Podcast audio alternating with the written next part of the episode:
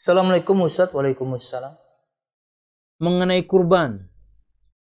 Sebenarnya itu tergolong wajib atau tidak ya? Ada khilaf di kalangan para ulama, ada yang mewajibkan, ada yang mengatakan ia adalah yakni sunnah muakkadah. Wallahu alam bisa, saya di antara ikut pendapat wajib bagi yang mampu. Ada embel-embel. Wajib bagi yang mampu. Wallahu alam bisa. Berkaitan dengan sebagian ulama yang mengatakan sunnah muakkadah karena praktek Nabi Muhammad SAW selalu berkurban. Kalau yang mengatasnamakan atau mengatakan wajib itu karena ada ancaman keras dari Nabi Muhammad SAW. Barang siapa yang memiliki kelapangan harta. Falam yudhi dan kemudian dia tidak melaksanakan udhiyah, kurban di hari raya Idul Adha. Fala yaqrabanna musallana. Jangan mendekati masjid-masjid kami. Khas Nabi Muhammad untuk orang yang mampu. Man kana lahu sa'atun.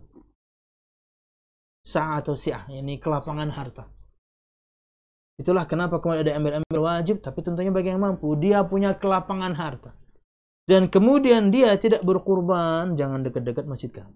Ancaman keras dari Muhammad. Makanya kemudian difahami dari itu, sebagian ulama mengatakan wajib. Karena kerasnya ancaman Nabi Muhammad untuk orang yang mampu tapi tidak berkurban.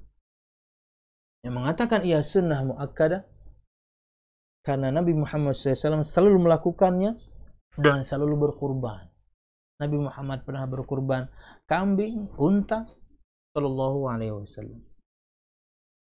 Dan mengatasnamakan kurban itu boleh ke siapa saja, misal orang tua yang sudah meninggal. Siapa aja boleh. Anda sebagai kepala keluarga, berkurbanlah jika Anda kemudian memang memiliki kelapangan harta. Yang wajib sudah Anda tunaikan nafkah kepada istri, anak, semua orang yang Anda nafkahi sudah Anda tunaikan, lebih harta Anda berarti Anda punya kelapangan, berkurbanlah atas nama Anda dan semua orang yang Anda tanggung. Yang masih hidup atau yang sudah meninggal, boleh. Dan siapa pun di antara kita yang belum mampu, jangan takut. Nabi Muhammad SAW pernah berkurban dan untuk semua umatnya. Ya. Jadi nggak perlu kemudian berkecil hati. Tapi jangan kemudian meremehkan. Ah, sudah juga Nabi Muhammad kan berkurban mengatasnamakan semua umatnya. Ah, enggak, enggak gitu.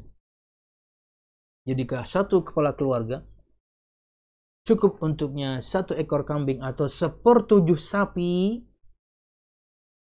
untuknya dan untuk semua anggota keluarga yang dia nafkahi.